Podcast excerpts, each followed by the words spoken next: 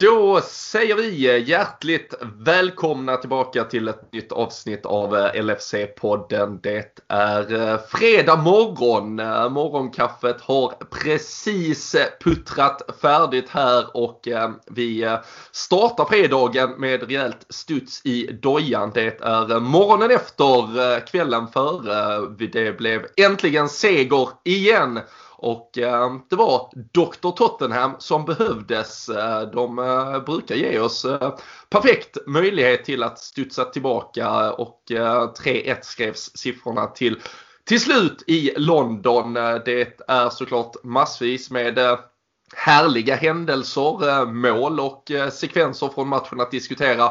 Men där är ju samtidigt också en mittbacksproblematik som, eh, ja den har väl stått och stirrat oss i ögonen i eh, 3-4 månader men nu kändes det som att den fullständigt brottade ner oss och eh, nu får vi väl se vad som händer här de sista dagarna på transferfönstret. Vi ska diskutera det men kan ju verkligen tipsa om att lfc.se är något att hålla sig ajour och uppdaterad med de här sista dagarna genom helgen så att ni inte missar någonting. För jag kan tänka mig att det kommer vara väldigt mycket rykten och eh, förhoppningsvis också i slutändan något konkret. Men eh, vi ska diskutera mer om det. Men eh, LFC.se som sagt den svenska supporterklubben. Den har vi alltid med oss här i podden och det är vi väldigt tacksamma för.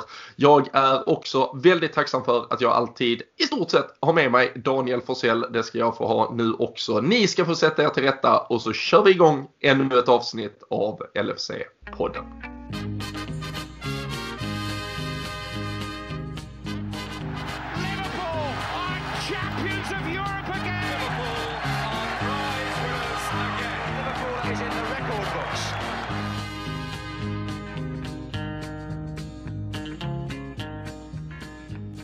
Jajamensan Danne, det är med eh, som sagt studs i dojan. Det är fredag, bara en sån sak gör ju en eh, glad och pigg. Men eh, såklart också extra boostad av gårdagen. Det, eh, är det party på eh, Borås gator?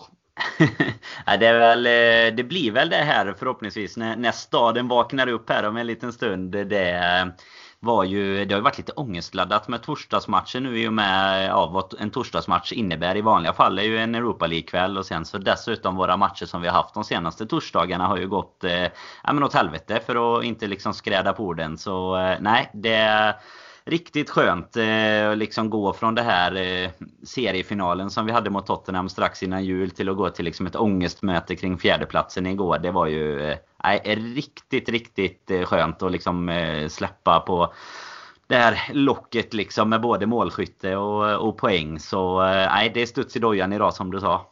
Mm. Ja, man, man märker också hur, hur luttrad man har blivit för det. Alltså, då dagen efter vi också har konstaterat att både Fabinho, eh, kanske förhoppningsvis inte så jätteomfattande, men också Joel Matip är, är skadade. Ja. Så vi står alltså helt utan mittback. Vi står utan till och med första vikarierande mittback. Men det är så här, vi vann i alla fall. Så det är gött. Vi löser resten liksom. Men ja. det är väl en problematik vi, eh, vi såklart också ska diskutera.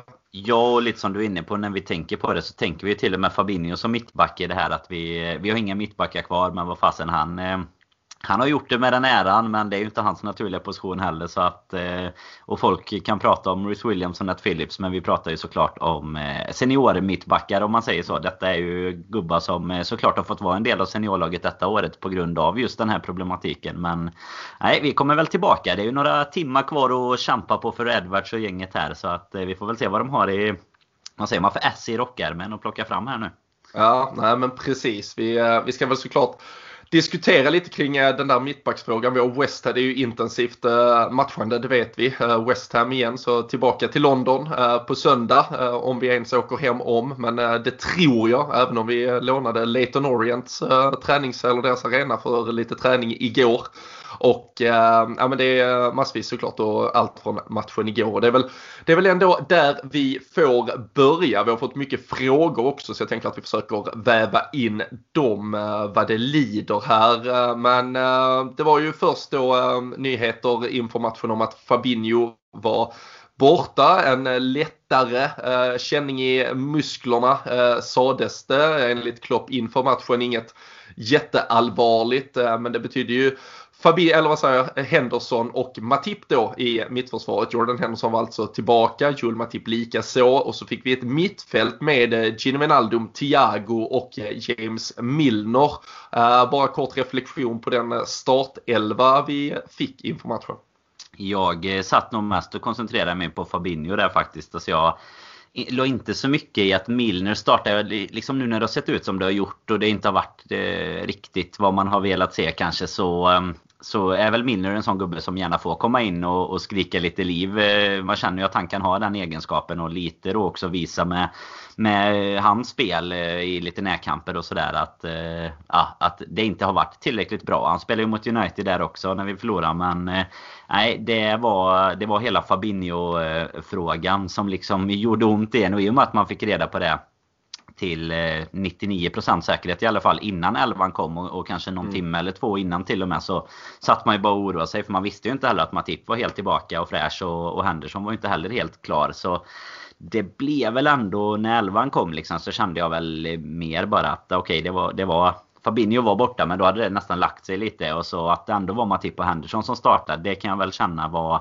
helt okej okay, liksom för eh, ja, vad fan ska man, vad ska man göra liksom? Det är lite så. Det är ju dit känslan har kommit sen. Om det hade stått Nat Phillips och Matip eller alltså det hade, jag tror inte hade förändrat mig så mycket. Men eh, det är väl det vi har pratat om innan. Att Klopp liksom går på sina, verkar vilja hellre spela sina rutinerade spelare än att och kasta in eh, Williams och Phillips när, när det väl kommer till kritan. Och eh, visst, nu spelar Williams mot Spurs senast men kan faktiskt inte ens komma ihåg hur, hur resterande mittbackskonstellationer såg ut då. Och eh, man fick ju bara skratta när det kom ut liksom siffror på att vi hade våran 15 eh, mittbackskonstellation för säsongen. Och jag tror att du eh, själv skrev något också om att det var, var det 11 i ligan på 20 matcher tror jag va? Precis, 11 i ligan på 20 matcher. Och vi, vi hann ju även damma av den 12 det i andra halvlek. Ja. det hann vi också. Det var lite, den, den kan jag ta på mig för det, det kommer vi till. Men jag twittrade om hur bra Matip hade varit där som någon general där direkt när första halvlek var slut. Och så tog det en kvart och sen var han borta igen. Men det, det låg väl något eh, bananskal eller något där inne. Så att hela, nu är han borta för säsongen också känns det som. Ja, alltså vi, eh, vi, kan, eller vi, vi kan ju börja i den änden istället. Det är det som är så bra när man har sin äh, egen podd. Man kan bestämma själv ja, exakt vilken äh, ordning man tar saker och ting i. Men Nej men enligt, enligt Klopp vad gällde Fabinho där inför matchen så skulle det väl vara lite mer en eh, försiktighetsåtgärd och, och såklart med tanke på hur, hur skör den där positionen har varit. Om han då hade Matip tillbaka och visste att han kunde använda Henderson så är det väl kanske rimligt att ta det beslutet. Vi vet också att Fabinho har fått dra ett otroligt tungt lass men, men sen så kommer ju då pausvilan.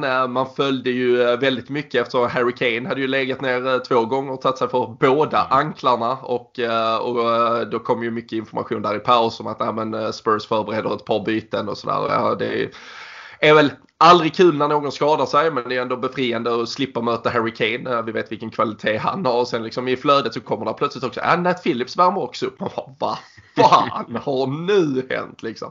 Och äh, det var ju som någon skrev, liksom, det är ju helt otroligt. Det är ju nog den man kan i alla fall räkna spelarna på en hand, de här spelarna som kan se helt friska ut och ändå bara, det var ju likadant mot West Bromwich när han går ja. sönder. Då bara sätter han sig ner helt plötsligt. Nej, det är bara att ge upp. Och, och nu likadant, alltså han, han kliver bara av och så, och så kommer han kanske inte tillbaka. Och ska man lyssna in Klopp på, även om det alltid är svårt att tolka en tränares ord kring, kring skador och kanske framförallt direkt efter slutsignal så, så pratar han ju ändå, han nämner att det är en seriös skada. Eh, och eh, det finns väl någon i alla fall så här, uh, halvsanning kring att om, om du skadar dig i något som inte är en kollision eller i, liksom i, i något uh, där det finns en direkt närkamp eller något så, så brukar det ofta vara värre för då är det mer att något går i sönder av, mm. av någon anledning. Och, uh, det verkar ju så vara fallet här. Så vi står ju potentiellt i en situation, alltså i januari med fyra månader kvar av säsongen, där vi inte har en enda senior mittback att tillgå på hela säsongen. Så det Uh, som du nämnde, det, det lär vara ett par uh, personer i Liverpools ledning som uh, kanske inte har, ja, studs i dojan hoppas jag de har i form av att de är jävligt, de har bråttom. Men de kanske inte känner att den här fredagen är dagen då man ligger på soffan och liksom bara suger i sig segerns sötma i alla fall. Nej, det, det är ut och scouta och jobba direkt och man hoppas väl att det är något, alltså att det är ett jobb som som har pågått. Det är ju, Klopp har ju varit och pratat om det lite att han kanske har velat ha en mittback och inte, inte fått det nu och sådär. Sen i, igår så pratade han väl lite mer om det som att det gäller att vi hittar rätt person och så. Det vet man ju. Alltså, det har ju Liverpool verkligen varit noga med. Det får man ju det får man ändå ge dem. Det här med hela van Dijk-soppan som var innan han blev klar. Och böter och, och, allt vad det var med, med att vi hade approachat honom före klubben och, och hur hela den soppan gick till. Liksom. Men det, det, har ju verkligen varit så att de har identifierat sina mål men samtidigt känner man ju att så här, ett ett lån av en rutinerad mittback eller någonting. Alltså det, det, måste ju även finnas en möjlighet till liksom en nödlösning. För det kan inte vara så att vi behöver Alltså när det är typ två dagar kvar. Vi behöver ju inte värva den här spelaren som ska, vi ska luta oss mot i tio år nu. Liksom. Det, det är inte det viktiga här. Utan det skulle kunna vara liksom en eh, ja, men lite som eh, när vi, när vi fick plocka in eh, Adrian liksom på free transfer för att ha en reservmålvakt. Liksom, vi kan ta in en spelare nu som inte är meningen att han ska vara förstevalet hela, tycker jag i alla fall, alltså hela ja, livet eh, ut om man säger så. Men tillräckligt med rutin för att kunna gå in och göra ett tillräckligt bra jobb bredvid då eventuellt någon av de här yngre eller att man kommer få spela med en Henderson. Man vet ju att Henderson kommer ju liksom, han kommer ju ställa upp. Alltså säger Klopp så här, du ska vara målvakt imorgon. Då, då står ju han där liksom. Det är ju inga problem. Han mm. kommer träna som fan för det och säkert göra några tv-räddningar också liksom. Men det, så han kommer, jag tycker ändå att han har gjort ett okej okay jobb eh, som mittback med. Men det problematiken. Ja, men, det vi har pratat om hela tiden, problematiken blir ju när han och Fabinho försvinner från ett mittfält. Alltså det är ju det här också, du får ju två, du får en lite sämre mittback och du får även en... Eh, alltså du tappar någonting på mitten. För ärligt talat, alltså den halvleken Matip gör. Det är ju några så här... Man, man bara sitter ju tre gånger typ och tänker ah fy fan vad gött det är att ha en riktig mittback. Det är ju så här det, det känns liksom. Han gör någon brytning på Son i straffområdet. Han läser ju liksom. sönder så. Alltså ja. där, där, där en av våra yngre spelare, dels hade det varit Rhys Williams hade han ju inte ens varit i närheten att uh, hinna ikapp liksom. Och, och de andra så, så det är väldigt lätt att du på den nivån när du möter en spelare av liksom Sons kvalitet så, så blir du misstajmad i i hur liksom snabb han är och hur uh, irrationell han kan vara i sitt spel. Men alltså där har ju Joel Matip en sån trygghet i sig själv. Så han bara, ja men jag väntar. Alltså för antingen så behöver han springa ut på kanten och ta ett dåligt avslut eller så vill han ju in i den här ytan. Och då står jag här liksom. Och så bara stod han där och poff, plocka bort honom i stort sett. Ja. Så äh, det är ju, och det är ju klart. och sådär också tycker ja. jag. För det var några sådana höjdbollar. De här exemplen som var i FA-cupen mot United. Där vi egentligen att en Darius Williams klantar till det lite och en som går över Milner såklart. Alltså du kan inte hoppa högre än vad du kan hoppa om man säger så. Men då handlar det ju mer om att stå rätt. Och det är några sådana svepande bollar mot Son framförallt då. Som, eh, som jag tycker att han står och bara... Alltså det blir ju aldrig ens farligt. Man kanske inte tänker på det i efterhand. Men där man under matchen då ser att ja, men där står han bara rätt och nickar bort den liksom. Så all heder till hans halvlek i alla fall. Så det kanske var avslutningen på, på säsongen för hans del. Då. Men har du någon så här, finns det, det finns ju inga riktiga namn liksom som eh, florerar. Det är nu man skulle haft sin Fredrik Eidefors liksom som hade suttit med en så här portugisisk gubbe i bakfickan och bara ryckt upp honom och liksom sagt ja, att den här gubben ska vi ha. Ja men precis. Nej men vi eh, Dels eh, kan väl eh, passa på lite oblygt eh, pusha för senaste avsnittet av Studio Sandon. Vi gör ju ett webb-tv-magasin borta tillsammans med Dobb-tv som är bara om Liverpool. Där kan man faktiskt fortfarande man kan använda koden Sandon eh, så kan man prova och, och kika gratis där eh, ett par veckor. Eh, finns på dobb.tv. Då, då satt jag i, i veckan med Patrik Syk från Aftonbladet. De kör ju Sportbladets Silly Season-podd och sen Max Julin som säkert många känner igen från Twitter. Han, han är, är väl just en sån där Fredrik Edefors typ som dyker ner i franska vad är det nu man säger Dan? Är det League 1, 2? Franska uttal satte du snyggt förra veckan. Ja, ja, men precis. Det är ju, jag säger som, det var Sladjan en gång i Viasat-studion som alltid körde det som ett stående. Det är League League Ja, nej men det är helt rätt. Nej, och där, vi tog upp några namn um, i förra veckan så det kan man ju kika på där. Men, uh, men annars är det ju som du säger, det, alltså nu är vi ju kanske dels i en situation där Alltså, är, är, alltså vi, vi ville ju nog få in en mittback redan innan Matip gick i sönder. Vi vet att Klopp ville det och alla vi fans har ju verkligen skrikit efter det. Och, eh, och frågan är ju nu hur man ser på situationen om det är att en mittback av liksom kvalitet eller en sån här nödlösning eller rent av både en, en mittback av om säger, kvalitet och nödlösning är, eh, är vad man ska titta på. Det finns ju så att många eh, Liverpool-supportrar hade ju fiskat upp att Martin Skertel finns där ute eh, kontraktslös men eh, som jag förstår han, det är väl hälsenan han har dragit. Jag, jag vet att han är skadad vad som ser ut att vara resten av säsongen. Så en skadad mittback är väl kanske inte vad vi behöver men annars är det ju det är ju till exempel en Garay, han eh, nämndes väl hela hösten egentligen. Det är en eh, Neven Subotic eh, som Klopp har en, en viss relation till och det finns ett par eh, andra sådana namn. Och sen, sen är det ju då till exempel en Sven Bottman från eh, Lille som, eh, som har nämnts tidigare och som man, man märkte flög upp lite som ett namn återigen igår. Men det, det, alltså det rimliga egentligen borde ju vara både värva en som kan vara typ en nummer 3-4 för, för en lång framtid som, som man tar in på ett 3,5-4,5 års kontrakt. Eh, men att man då i tillägg till det också får in en, eh, ja men typ en Subotic, alltså en som egentligen bara är en kropp, två ben, två fötter, mm. ett huvud eh, som, som kan Dels för att alltså, nu är vi på nivån där vi behöver i stort sett fylla upp liksom, träningsplanen med, med mittbackar eh, och eh, vi behöver ju såklart också ha den möjligheten på bänken. Alltså det är ju, det är ju livs... Alltså även om vi skulle... Alltså ska vi nu ställa ut Nat Phillips och Jordan Henderson. Jag tycker vi får väl ta en liten, liksom bara, bara stanna upp vid Jordan Henderson. Du nämner att han gör det bra. Jag tycker han gör det helt fantastiskt bra egentligen i, i och det är, alltså det är sån jävla kaptenskvalitet att liksom bara anpassa, alltså svälja det. Uh, alltså många lyfter fram honom som kanske ja, men hela Premier Leagues bästa spelare förra året. Eh, pratar om honom så, alltså han är ju faktiskt på en nivå nu där det pratas om honom som en av världens bästa mittfältare. Sen, det är inte topp 5, topp 10 kanske men alltså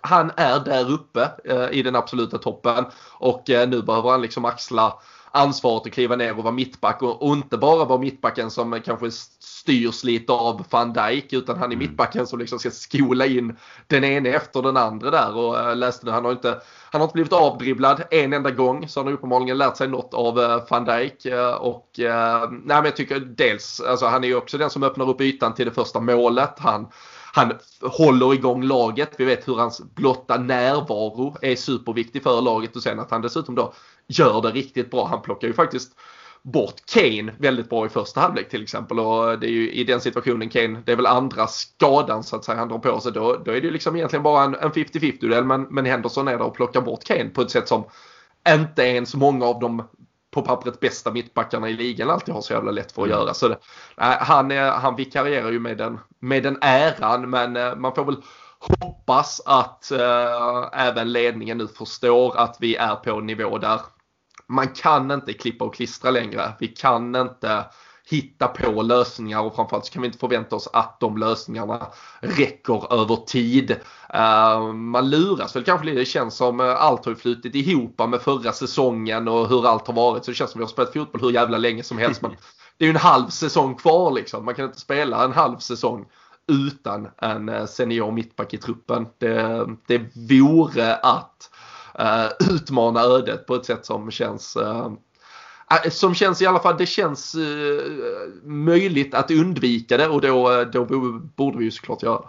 Ja, och sen har du ju eh, det faktumet du pratar om det här att det flyter ihop lite och så. Sen även framåt om man säger så. Jag menar, vi har ju, det kommer ju vara långtidsskador på antagligen Matip nu då. Nu är han skadad lite som, som han är ändå nästan hela tiden. Men sen på Gomes och van Dijk med. Sen tränar de ju hårt och fysiskt under tiden liksom. Men du ska ändå komma tillbaka. Alltså du, du ska ändå komma tillbaka till den här matchformen och, och Premier League-tempo och allt sånt. Jag menar, det är inte heller helt självklart att du bara kan gå äh, rakt in sen. Nu känns det väl som att en typ van Dijk kommer göra det. Men vi vet ju alla att vi hade våra frågor om Gomes och sådär innan också. Så att det, nej, det finns ju absolut anledning att, eh, att få in någon att i alla fall kunna luta sig lite mot utöver att vi ska behöva ha våra liksom vikarierande mittfältare där nere. Sen, sen som sagt, de gör det med den äran men eh, det är ju inte det de är, är där för att göra egentligen. Så att vi får väl mm. se. Vi får väl hoppas att vi har ett eh, nytt avsnitt på måndag och prata om eh, både en seger till och kanske en,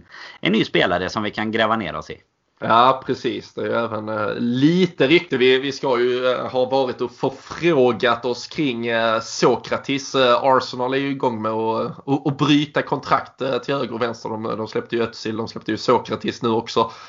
men han ville väl inte ha bara ett vi var väl beredda att ge honom ett halvår men eh, han fick eh, två och ett halvt eh, tror jag hos Olympiakos. Så han, han vände hem och kan man väl förstå. Jag hade också flytt till England kanske i, i detta läget och, och dratt till Grekland istället. Men ehm, där är ju även en Mustafi i, i Arsenal och det är väl ingen man har förälskats i eller eh, blivit helt blown away av hans eh, fotbollskunskaper. Men eh, där, där pratas det också om att Arsenal är intresserade av att bryta det kontraktet eftersom han inte ingår riktigt i Artetas planer. Och skulle kunna vara ett alternativ på ett halvår ifall han inte får något mer lukrativt. Men vi vi får väl se. Eh, Det finns så mycket att prata om från gårdagen så vi behöver inte fastna helt i spekulationer. Istället som du nämnde där Dan så, så är vi ju tillbaka på, eh, på måndag efter eh, West Ham-matchen och hoppas väl också då att vi, att vi har lite Eh, förhoppningsvis bekräftade transfers att uh, diskutera. Men uh, tills vidare så får vi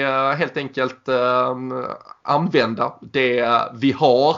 Och vi har pratat mycket om mittbackarna men även mittfältet fick ju en eh, delvis ny, eh, i alla fall uppställning vad gällde hur man eh, fördelar ansvarsuppgifterna. Gini Wijnaldum var tillbaka lite mer defensivt och man frigjorde Thiago tillsammans med Milner som de här två rivjärnen och man måste ju bara börja med att konstatera att Thiago är ju, det är ju en vildhund mer mm. än den där mattade. Hade man bara gått på liksom vad, vad folk pratade om inför och att det bara var liksom ja, en eh, varm kniv genom ett smörpaket eh, på allt han gjorde. Det här känns ju mer som det är liksom eh, ett helt jävla våffeljärn över skiten och mosar allt och alla egentligen. Men härligt att se men fan det är, det är nervöst när han får ett gult kort redan i första halvlek. Det, det, han får sluta med det i alla fall. Han får ta första gula i 70 typ.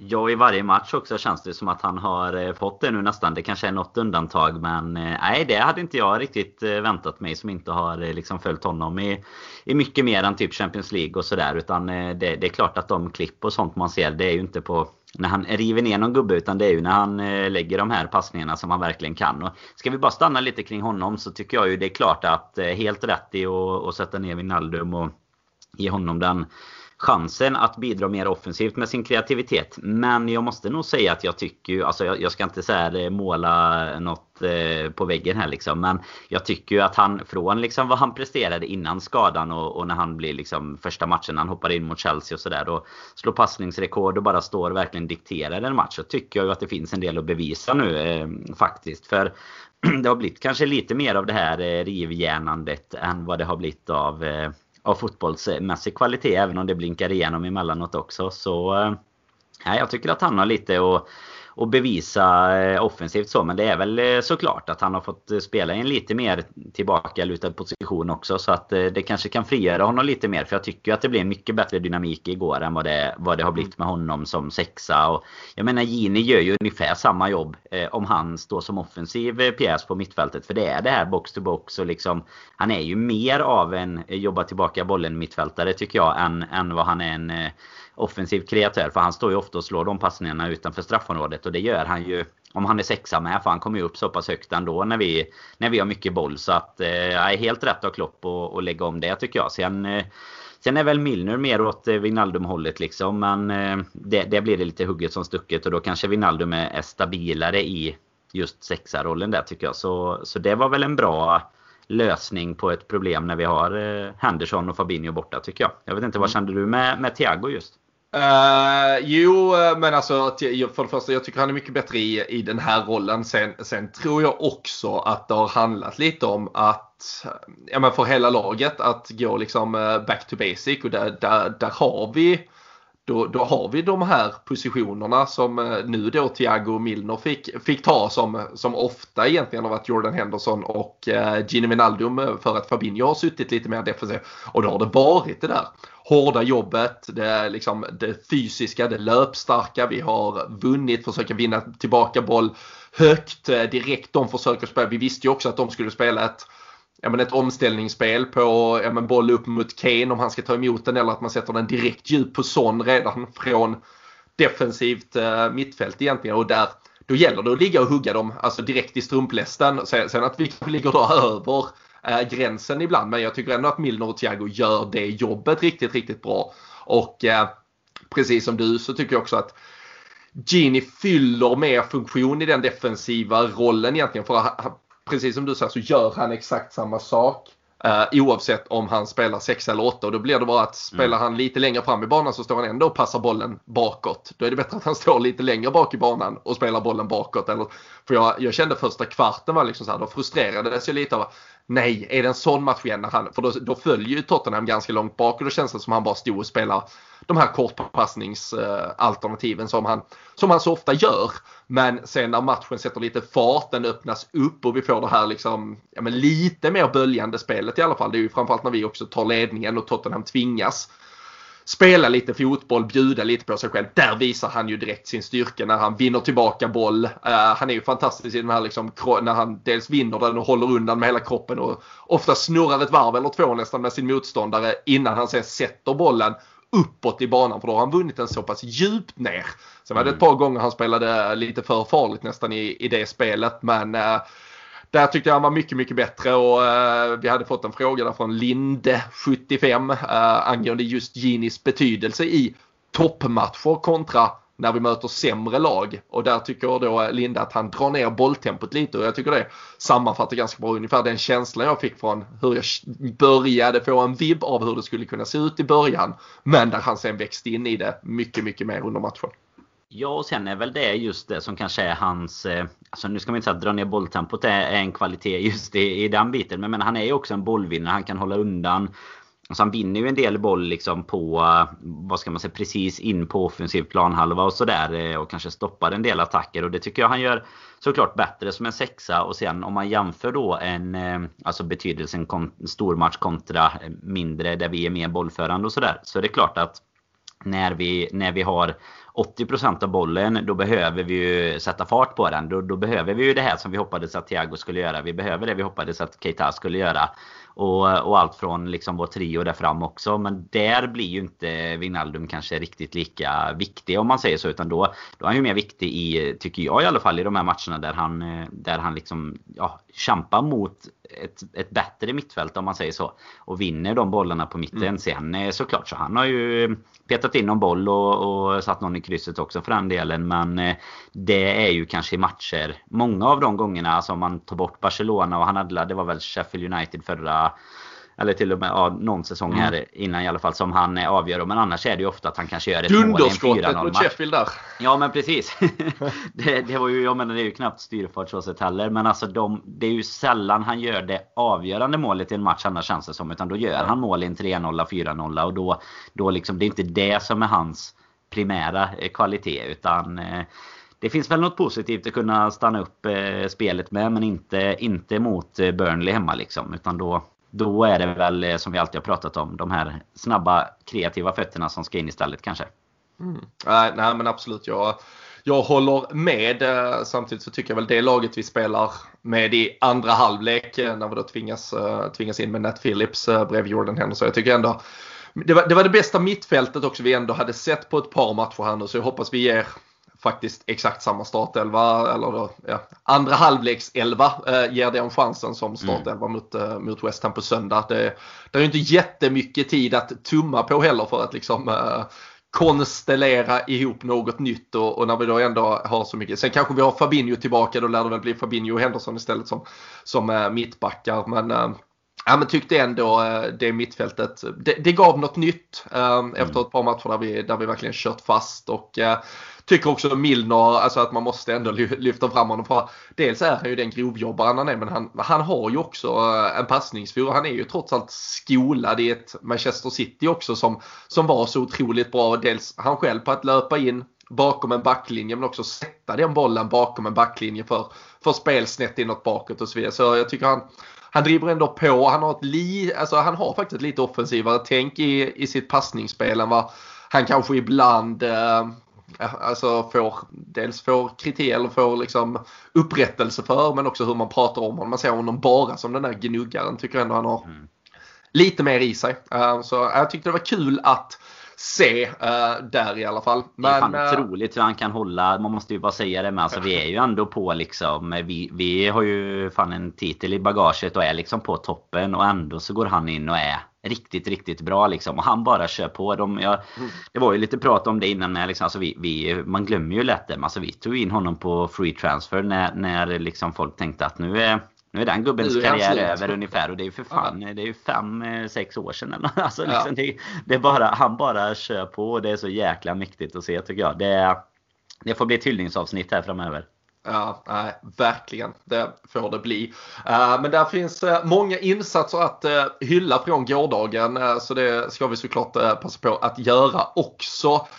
Um, Johan Lindström skickade in här. Han tyckte vi skulle ta upp Manés insatser mot Spurs genom åren. Tycker han ofta är kvicksilver mot deras backlinje och rinner igenom gång på gång. Ehm, man fick ju Uh, kan tänka mig att han tänker framförallt på det, var det här mötet på Anfield, tror det var med Andres Villas Boas uh, eh, som eh, Spurs-tränare. De ställde, mitt, de ställde backlinjen på mittplan och så var det Mané mot Ben Davis. det, var, det var väldigt trevligt men, men det stämmer ju, han har ju varit väldigt bra mot Spurs väldigt många gånger.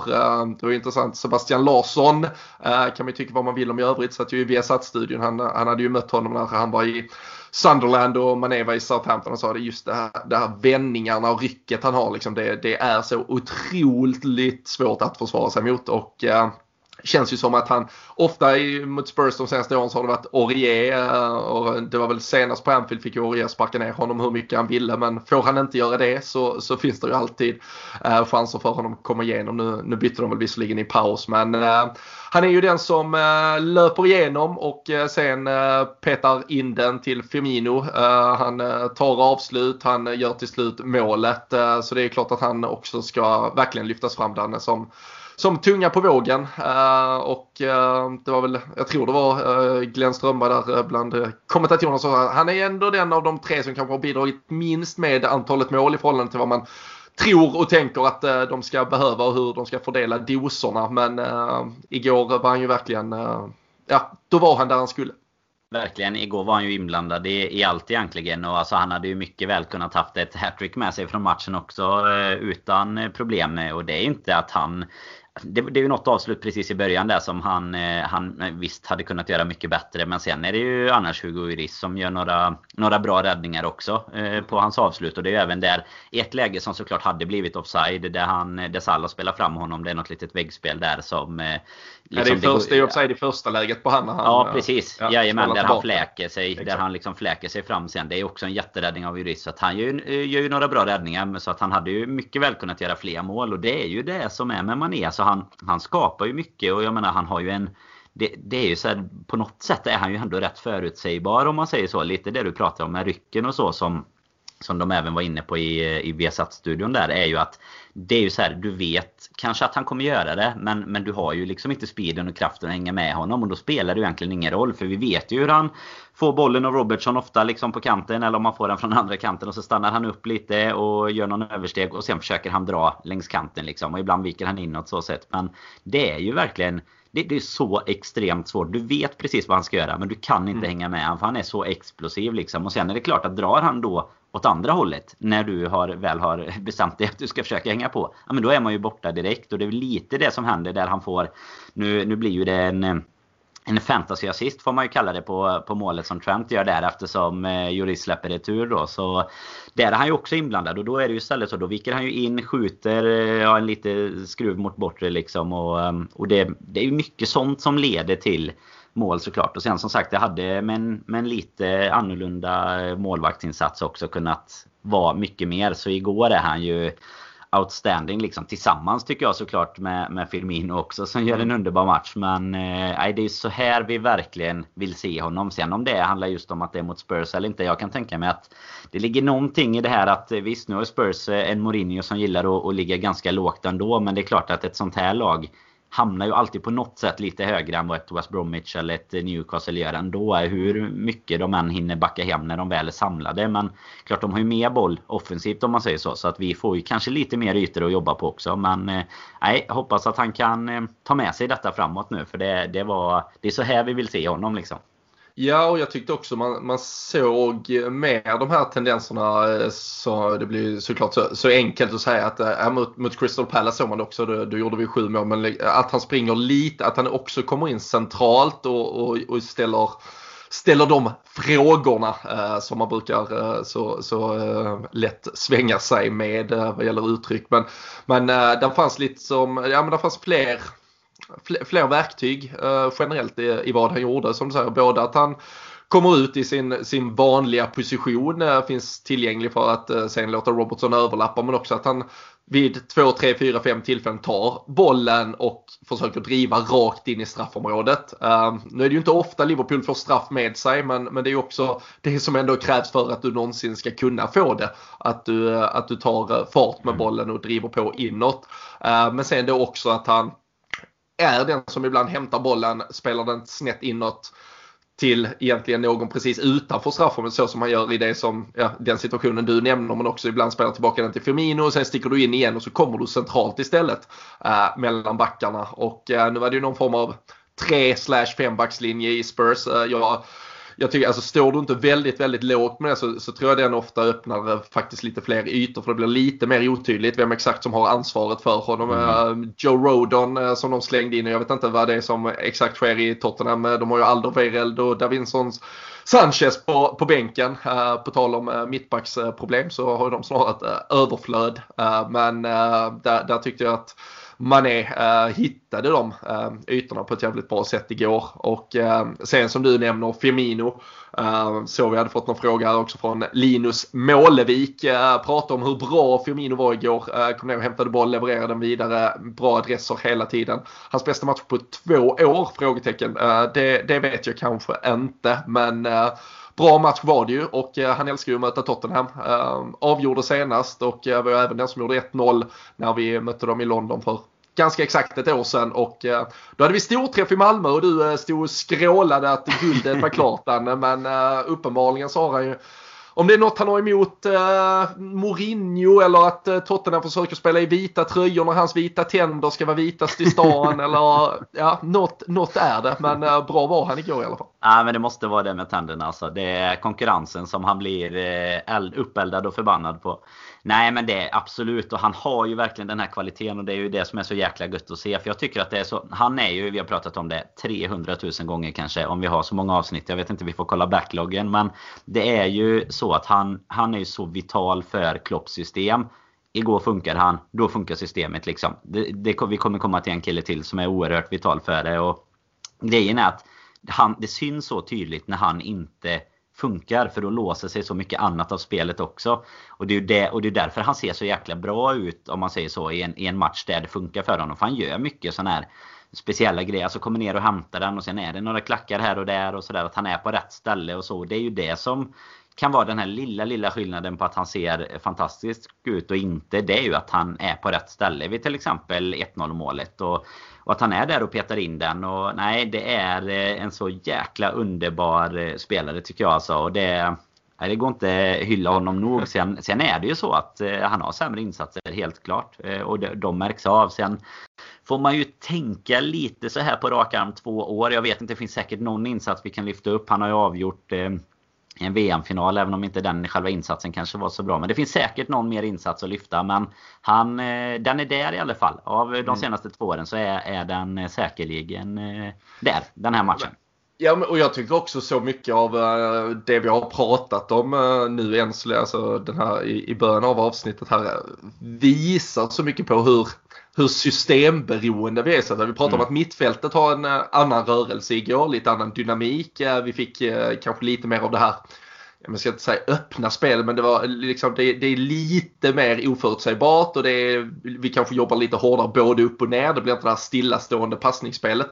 Det gör ju att vi öppnar, ny, precis som mot United i FA-cupen i helgen egentligen, att vi där var, där var det lite samma sak. Vi såg de tendenserna och det öppnade en yta för Firmino eftersom då står inte deras defensiva mittfält eh, bara stilla och tittar på vad vi sysslar med utan de måste gå upp i press och variera sig lite. Då får Firmino de ytorna framför eh, motståndarnas backlinje och då får i sin tur till exempel en Mané eller en Salah en yta att löpa in bakom.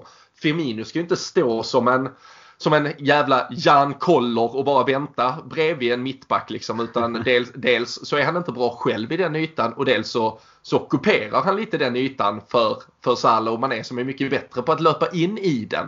Så, så det blir ju, äh, det blir ju, jag vet inte, inte bara en tvåsteg, tresteg, fyrstegsraket mm. egentligen med, med hur alla delar klaffar.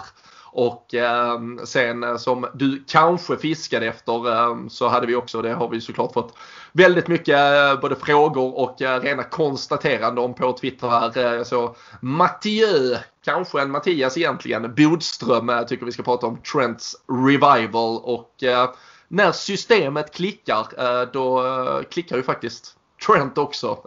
1 plus 1 igår och mm slår väl kanske, totalt sett slår han väl kanske sina tio bästa bollar på hela säsongen mm. samlat på, på 90 minuter. Det var även svepande eh, både djupledsbollar eh, i yta till Mohamed Salah som vi vet att han kan slå så himla bra men också crossspelet och passningar. Det var en helt annan fart. Det var, det var en helt annan trend än den senaste månaden framförallt.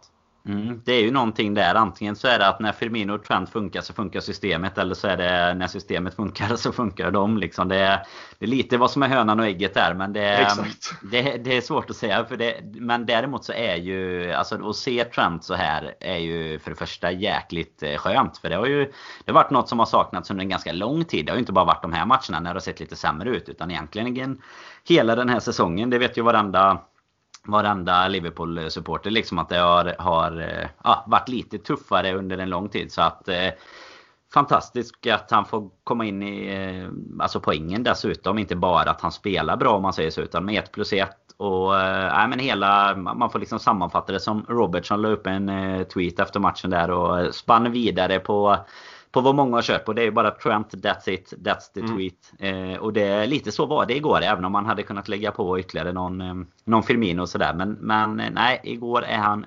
precis så god som, som vi eh, väntade oss. Och det blir också ett sånt gött statement på något sätt mot liksom, det, det blir hela insatsen. Att så här, Liverpool är i kris och så vidare och så, och så gör vi en så bra insats. Men just att många av de spelarna som kanske har varit allra mest kritiserade verkligen dök upp om man säger så. Eh, så det, det ger ju en lite framtidstro trots eh, mittbacksituationer och, och allt möjligt såklart. Ja och jag tror verkligen inte man ska förringa vad gäller framförallt vad som gäller, vad gäller Trent. Att, eh, alltså han är en högerback och normalt sett så är det inte mål och assist som behövs för att du ska känna att du är tillbaka som en högerback. Men vi vet hur extremt komplex egentligen. Hans, mm. Dels hans position och liksom egentligen synen på honom i fotbollsvärlden. Alltså folk sitter och väntar sig eh, liksom assist och, och, och mål eh, var och varannan vecka från honom. Så även om han hade utan mål och assist så hade nog alla med ett litet, litet minimalt fotbollsöga kunnat säga att det var en annan insats från honom igår. Men att också få kröna den med, eh, med poäng så att säga. Det, jag, jag, tror inte man kan eh, underskatta det faktumet. Eh, det, det, vi vet hur han och Robertson brukar så här, härligt häckla varandra kring liksom vem som gör flest assist eller hur, vad de nu tävlar om. Liksom. Och det, nej, jag tror det är en superboost för honom och, och det, det ger ju i sin tur laget väldigt mycket att han, att han är tillbaka på allvar. Så det är ju ja, väldigt välkommet att se. Och eh, det är väl bara att konstatera att det var en, en väldigt bra insats från väldigt många. Och eh, om det inte vore för väldigt märkliga regler så hade ju även Mohamed Salah toppat av kvällen med ett mål. Han eh, tryckte ju upp ett men eh, de, de spolade tillbaka en kvart, 20 minuter där i, eh, i kamerarullarna och eh, hittade en handboll på Firmino medan han eh, brottades ner av Eric Dyer. Det, är ju inget vi ska stanna vid. Vi har försökt och sagt att vi ska undvika det där. Eh, vi kan ju såklart eh, diskutera Jong Min Sons eh, offside och så vidare. Där är det samtidigt, det har vi ju sagt förr och vi har verkligen drabbats för också. Det är svart eller vitt, det är offside. Sen kan man tycka att det är helt jävla bisarrt och fel. Det tycker jag också. Jag tycker inte man ska titta på just den typen av offside. Men det blir ju någonstans full, det blir ju mer bisarrt egentligen den här situationen som eh, vi vinkas av för när, mm. när det blir så uppenbart att de står och tittar på en sak men så händer, alltså det är liksom som att du avvärjer så här, ah, vad är det som händer där? Är det, är det ett rån? Är det ett rån så, liksom, så blir någon mördad i bakgrunden? Det blir liksom så här, hallå, vad tittar ni på? Vad sysslar ni med? Och så är det så här, nej, det var, det var ett råd. Han tog hans väska först. Jo, men han blev ju skjuten. Alltså, nej, det, ja, det blir jävligt märkligt i alla fall. Det är ju bara att gå tillbaks till eh, Pickford van Dijk för att hitta ett eh, precis lika bra exempel på, eh, på detta. Liksom, är det offside? Vad fan är, ja, men, ja, det är offside. Han är ju faktiskt, hans biceps är ju offside. Så att eh, han blev inte mördad av Pickford alldeles nyss med en tvåfotare. Liksom. Och då kan man gå tillbaks till den här situationen. För jag, jag ska bara snabbt säga att jag håller med dig med så man inte blir alldeles för partisk. Jag tycker inte heller att sånt mål behöver dömas bort. Men där är det ändå så här. Det dras linjer. Vi har någonstans lärt oss det. Den drogs annorlunda på Anfield. Han ligger på gränsen, så mycket kan man eh, ge honom. Men sen den här är ju så extrem för att det som, eh, som man då, eh, av vad man kan utläsa av regelboken numera då, den är ju under konstant förändring såklart. Så, det vet. Ja, det vet vi om något. Nej, men då känns det som att det, det de pratar om här, det är ju om, om det är liksom eh, alltså en eh, hands som han eh, utnyttjar för egen fördel ungefär. Och det är ju så här, bara, nej det är det ju inte för att han blir ju nedbrottad samtidigt. Och den studsar på armen. Alltså vad fan ska han göra liksom? Men precis som du är inne på då också, så är det ju så här bara att konstatera att om du då ändå ska eh, ta bort det så får du på något sätt ja men då får det ju vara frispark för Liverpool och gult kort på Dyer för att han Exakt. står ju liksom med ett brottargrepp. Och det, det parodiska liksom är ju att de vevade det är så här, fram tillbaka, fram tillbaka. Alltså 25 gånger och du bara ser hur... och, och, hur man ser Firminos tröja åker upp, ner, ja, upp, ner. Exakt så. Och sen, och sen ändå bara, nej men det är klart, det var ju hans. Och då är det ju i ett läge där kommer inte ihåg precis, men är det tre eh, passningar innan? Alltså det är ju så här, situationen är, ja, är ju, ju överskedad liksom. Exakt, Firmino är ju felvänd på mittplan och tar då ner den via. Den går, den går väl hans bröst, den går dessutom på Dyers hand och sen ja, på Firminos exakt. hand. Så kan vi konstatera, ska vi bara stanna där så är det ju så. Ja, det är, han, har, han har handen för långt ut och det är hans. Det, är, alltså det, det köper jag. Sen, men sen är det då, vinner han en fördel av det? Ja, det gör han kanske. Men varför gör han det? Jo, det är ju för att han blir, som du säger, dragen. För där är ju också, det är väldigt tydligt, det är vissa som, eh, den är ju så jävla otydlig också, hans För vi ska ju säga, där, det man har lagt till, det är väl från förra säsongen, det är alla hands på alla sätt och vis som leder direkt till ett mm. mål. Exakt. Då ska inte målet gällas. Men det, det, är ju inte där denna kvalar in så att säga. Det, det, då måste det till exempel vara direkt i straffområdet att du tar ner den och skjuter in den. Uh, här, här hade det bara varit att den nuddade handen här så hade den inte dömts bort för det är så pass många situationer före. Här är det då att man menar att det är en så pass klar handboll som vinner en så stor fördel. Um, sen tycker jag ju det även då att det måste man kanske går tillbaka ytterligare till. För här är det ju, han tar ner den, Visst, med lite hjälp av handen. Men han spelar tillbaka den till Thiago. Thiago spelar upp den. Sen spelar vi in den. Så Tottenham har ju två, tre, fyra chanser till att vinna tillbaka bollen. Så det är inte en direkt avgörande se sekvens för, för hur målet kommer till. Och sen som du säger att då resultatet oavsett vad slutar med jag såg inte exakt hur man startar spelet, antingen om det är med ett nersläpp till Tottenham, alltså bara lägger ner den och så får Tottenham bollen eller om det rent av var att de fick en frispark. Mm. Men, men det, är ju, det måste ju såklart gå och då, och då blir det ju fel för du får inte gå tillbaka och dela ut, du får inte ge en så att säga vanlig frispark eller ett gult kort. Nej, Ens om du inte tittar på ett rött kort och det gör man ju inte i detta fallet så du kan inte ge där. Och det är ju där VAR totalt sätter krokben eh, på sig själv. Man, man står och tittar på en, eh, en ganska blygsam händelse och, och får något annat. Eh, och där är det ju så att det hade ju krävts att Dyer typ armbågar honom i huvudet för då hade han kunnat eventuellt kunna ge ett, ett rött kort. Mm. Men annars, annars får ju Dyer göra i stort sett vad han vill med honom där. Och så blir det ändå Tottenhams boll och det, ah, det, blir, det blir tramsigt. Men när vi vinner så, så ska vi inte stanna i det för länge. Men eh, jag tror eh, alla med oss eh, känner att det är rätt löjligt. Och det är väl den typen av grejer vi absolut inte där känner man ju framförallt, där vill man ju inte att de ska blanda sig. Alltså där, och för om det nu är så jävla solklart, ja då är det bara så det är så jävla dåligt av Atkin, då ska han väl se det. Om det nu är en sol, då får han blåsa frispark på mittplan. Precis precis det som jag tänker på också. För det är samma, det är ju precis det med offsider också när man egentligen då... Alltså det här att du ska spela vidare ända till situationen är överspelad. Det sätter ju egentligen bara VAR och hela liksom domarkåren i ett ganska otacksamt läge. För att då blir det ju sådana här diskussioner efteråt. Jag menar hade du bara tyckt att det var hans från början så, så blås av då istället. Men bara för att vi har det här hjälpmedlet nu då så, så är det lite som att då ska de släppa allt.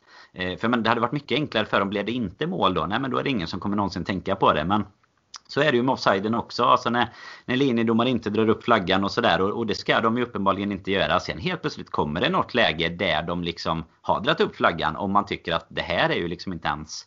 Det, det är ju liksom millimeter det handlar om. Det är ju även om man går tillbaka till City som, som gör ett sånt mål nu när Cancelo gjorde mål i denna omgången. Alltså det är så, så uh, inkonsekvent med. Det är ju det man blir mest trött på. Hade det bara varit likadant hela tiden, samma regler varje match. Då, då kanske man hade kunnat lära sig dem om två eller tre år eller någonting när man hade vant sig. Men nu är det så här, nej men nu skriver vi liksom om. Och, och för som du sa, den, den handbollsregeln som är ny om man säger nu, det är ju att du inte får typ ta ner den. får inte studsa på din hand och du lägger in den i straffområdet. Alltså direkt mål. Men detta är ju bara, alltså det, det är klart jag fattar att Spurs-spelarna ropar på hans och så men, men det, är ju, det är ju bara ett skrik på hjälp liksom. För de fattar ju att det äh, de blir, så de blir så bortspelade. Liksom. Nej, de blir ju så överspelade och bortspelade och det, ja. och det är där, där det blir uh, jättetraum. Och, och det som blir så himla, nu, nu noterar jag inte det i denna situationen men, uh, och, och vi brukar aldrig få någonting gratis av Martin Atkinson så han hade, jag vet inte om han visade för det men den normala situationen här, framförallt om Firmino typ hade lagt sig efteråt. Det är ju antagligen att du hade visat typ för, alltså ja, jag ser att du har blivit neddragen men ni har bollen så ni får mm. fortsätta. Så ger man oss en fördel och sen gör vi mål på den fördelen men så får vi inte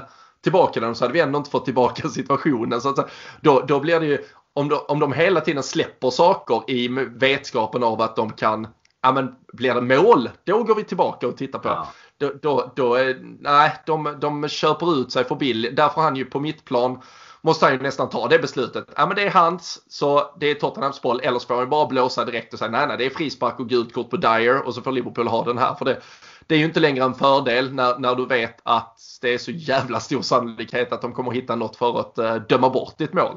Så, så det är ju inte, det är inte jätteofta du, du vill ha fördel. Det kan ju också vara att, eh, alltså en 50-50 offside, liksom att de visar att men du, han håller på att dra ner dig men du fick ju fram passningen så spela på och sen, ah just det.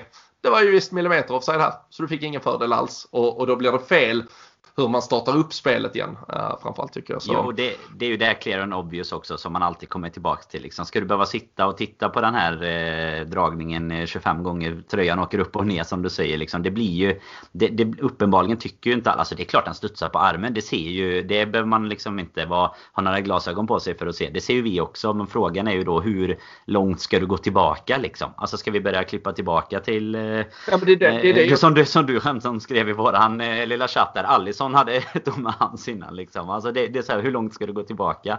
Uh, nej, jag vet inte. Nej, och det, det... nej och, det, och det är det som blir problemet. Här, blir det egentligen det jag tycker blir konstigt med denna situationen. Det är ju att, för, för om du bara tittar på reprisen direkt så ser du att det är hans. Så i så fall bör en VAR-domare, uh, om det nu finns en tydlig mm. regelbok för den här situationen, då skulle han ju bara sagt nej men det Atkinson du kan, uh, du kan ta tillbaka. Alltså det, det var hans på Firmino.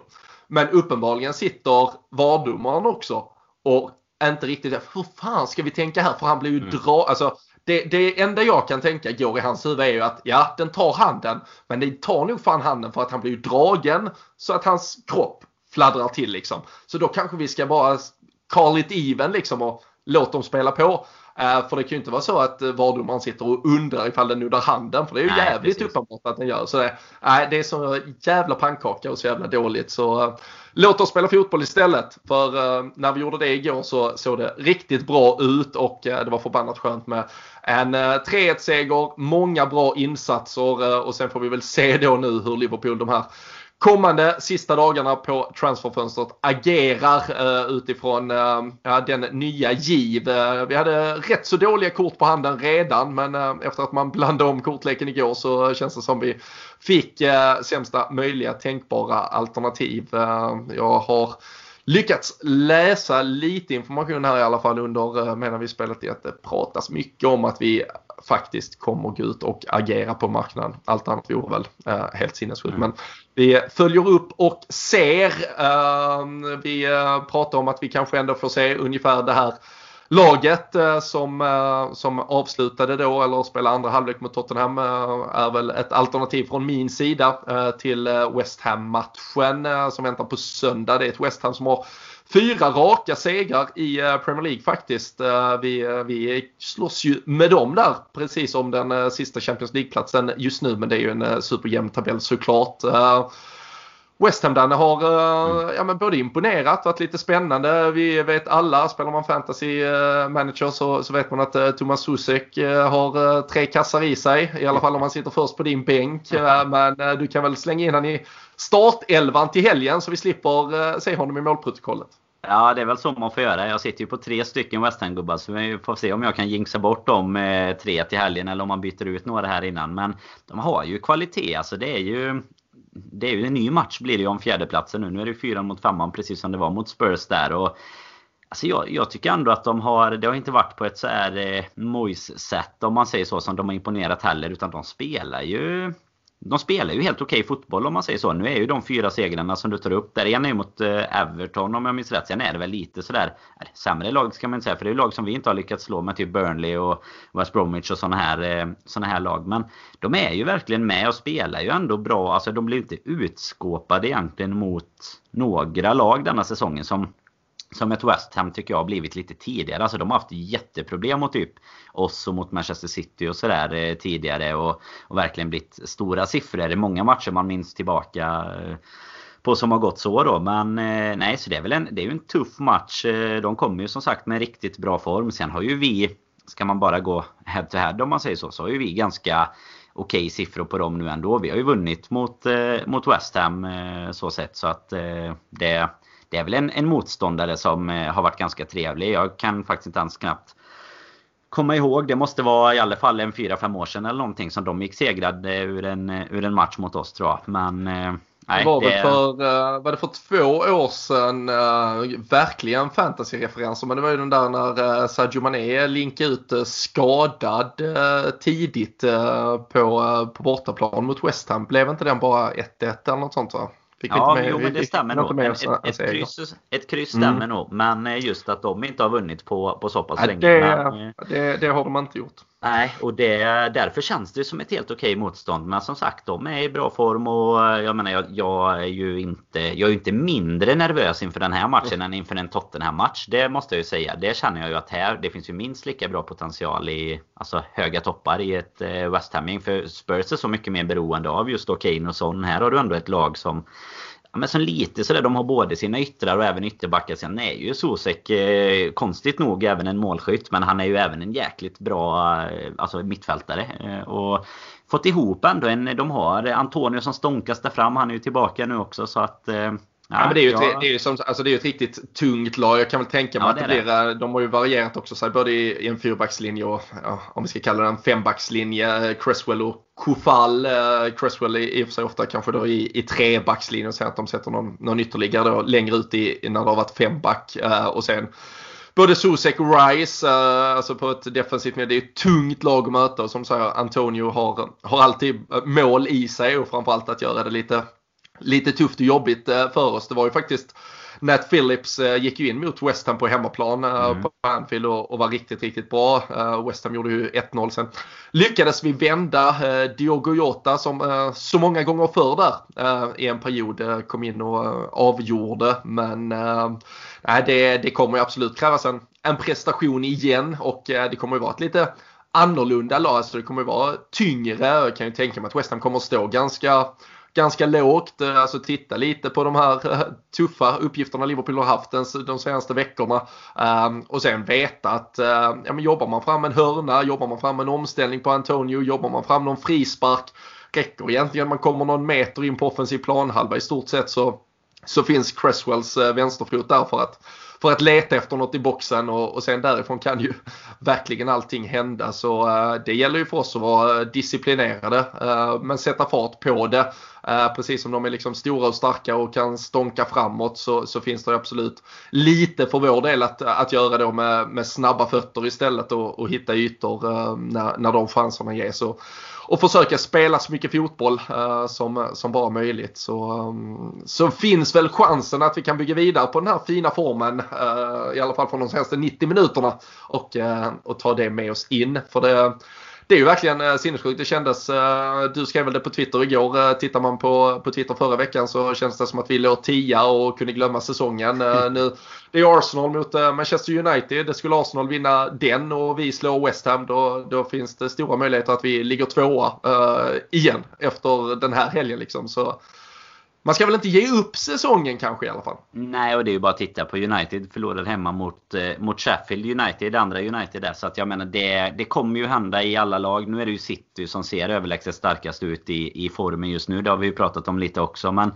med De Bruyne skadad och, och sådär så nu gick det ju bra sist ändå om man säger så. Men eh, de har ju fått igång några andra spelare där. Men eh, absolut, det, det kommer hända mycket saker den här säsongen. Och det är, liksom, det, det, är så oförutsägbart som det någonsin har kunnat bli känns det som. Så att eh, det ska, man ska ju absolut inte ge upp. Alltså vi, vi fick ju även lite, eh, Martin Åslund visar ju lite statistik, sådana expected goals och sånt som många gillar att arbeta med nu för tiden också. Från de här matcherna där vi inte har gjort mål, där vi, där vi liksom ligger på en bättre statistik än vad vi gjorde egentligen under hela fjolårssäsongen och sådär också. Så att det, när man bara vevar de lägena liksom i en video så är det ju helt otroligt att vi gick eh, så många matcher utan att göra mål. Så att det, det finns eh, saker att bygga vidare på. Det gör det. Och eh, alla kommer tappa poäng förhoppningsvis där uppe också. Så ehm, nej, ge upp ska man inte göra riktigt än. Det är ju ändå som du nämnde tidigt här. Det är ju en halv säsong kvar att spela om. Så jag tycker väl att det är lite väl tidigt att börja liksom ta bort oss från både titel och, och topp 4 i alla fall. Ja, det är det. Det är det verkligen. Eh, vi, eh, vi kan väl passa på att eh, gratulera Johan Lindeborg som tippade 1-3 i, igår. Väldigt snyggt. Mané sista målskytt också. så det var huvudet på spiken. vår kära vän Kalle Sundqvist gick också ut på Twitter och tippade 3-1 seger till Liverpool inför matchen. så äntligen så vet vi var spåkulan från Borås har tagit vägen. Det Kalle som har lagt beslag på den. Äh, sitter och knokar den äh, uppe i Norrland.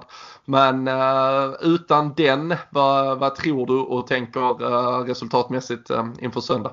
Nej men jag tror att vi tar en 2-1, så lite mindre marginal. Men nu är vi igång igen på, på vinnarspåret. Men jag tror det finns något med deras eh, stora tunga. Alltså en höna ser man ju framför sig att vi kommer kunna, kunna släppa in. Men, eh, men så vinner vi ändå med en ganska så här spelmässigt eh, god marginal utan att, utan att det syns på siffrorna. Men det får vi man får ju bara passa på innan jag lämnar över så du får fundera lite till. Men det var många som hade 1-3 igår faktiskt i, i tipptävlingen. Mm. Så eh, verkligen eh, kudos till att de är jäkligt mycket bättre än vad vi är på att tippa. Så det kanske går in där och börja med att och ta rygg kanske där då på, på Johan till att börja med när man tittar och och strunta i att lyssna på oss som eh, säger att vi har spåkulor någonstans. Ja, för det var fan ja, länge sedan känns det som.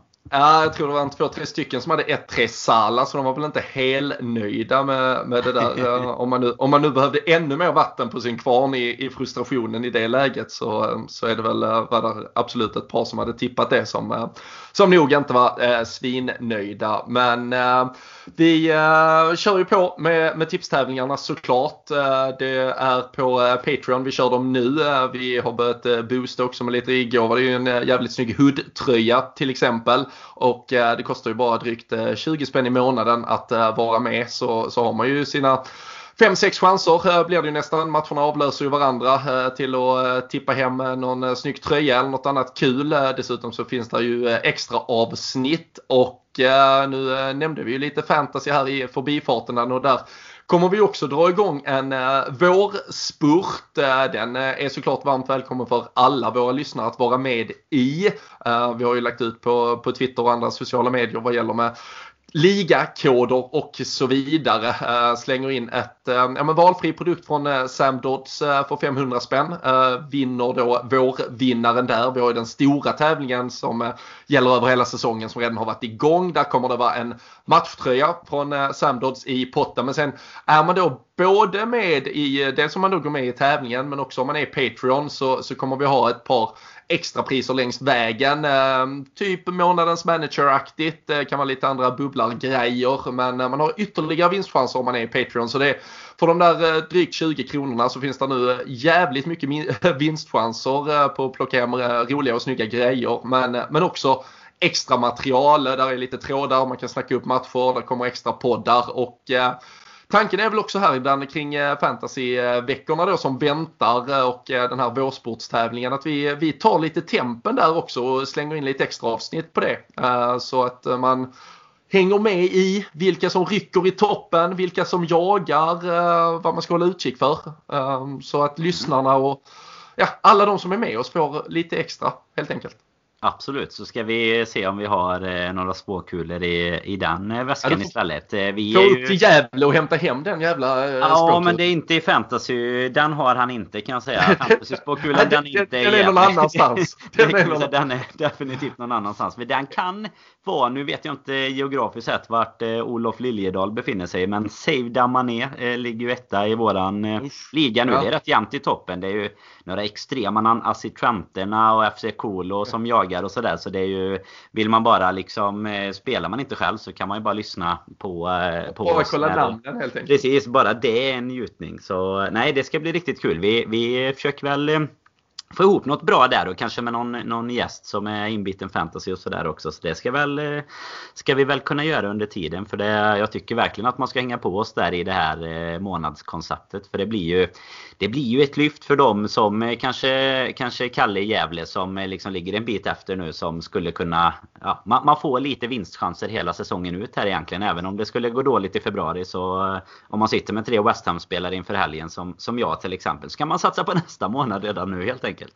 Precis. Uh, deadline eh, kommer att vara inför så att säga, nästa omgång. Det är faktiskt uh, veckomatch igen, eller veckomatcher. Så deadline då för nästa fantasyomgång det är ju... Det är, det. det är ju match i helgen nu. Fan vad gött! Då är jag ja, ja. februari. Ja, ja, ja, ja, ja. Så det är 17, 17, den här matchen tillhör inte tävlingen så att säga. Så 17.30 på tisdag då i nästa vecka är det, är det deadline. Och jag tänker väl vi kommer ju spela in ett vanligt avsnitt på eh, måndag och ta ner West Ham-matchen, snacka upp eh, Brighton som väntar för vår del. Så gör vi kanske något uppsnack inför fantasy då som kommer på, på Patreon i veckan därpå helt enkelt. Så ehm, nej, det är eh, mycket att hålla utkik över. Eh, förhoppningsvis har ni eh, bra studs i dojan och njuter av den här fredagen. Njut av segern. Det var ett tag sedan sist, så gör det. Och som sagt LFC.se håller er väl uppdaterade kring alla turer som lär följa här under helgen kring en eventuellt någon mittback som ska in. Vi får väl se om det blir någon sån här härlig kväll på Flight Radar och, och följa mm äventyr som väntar. Men som vanligt tackar vi för att ni har lyssnat. ta hand om er där ute så hörs vi snart igen.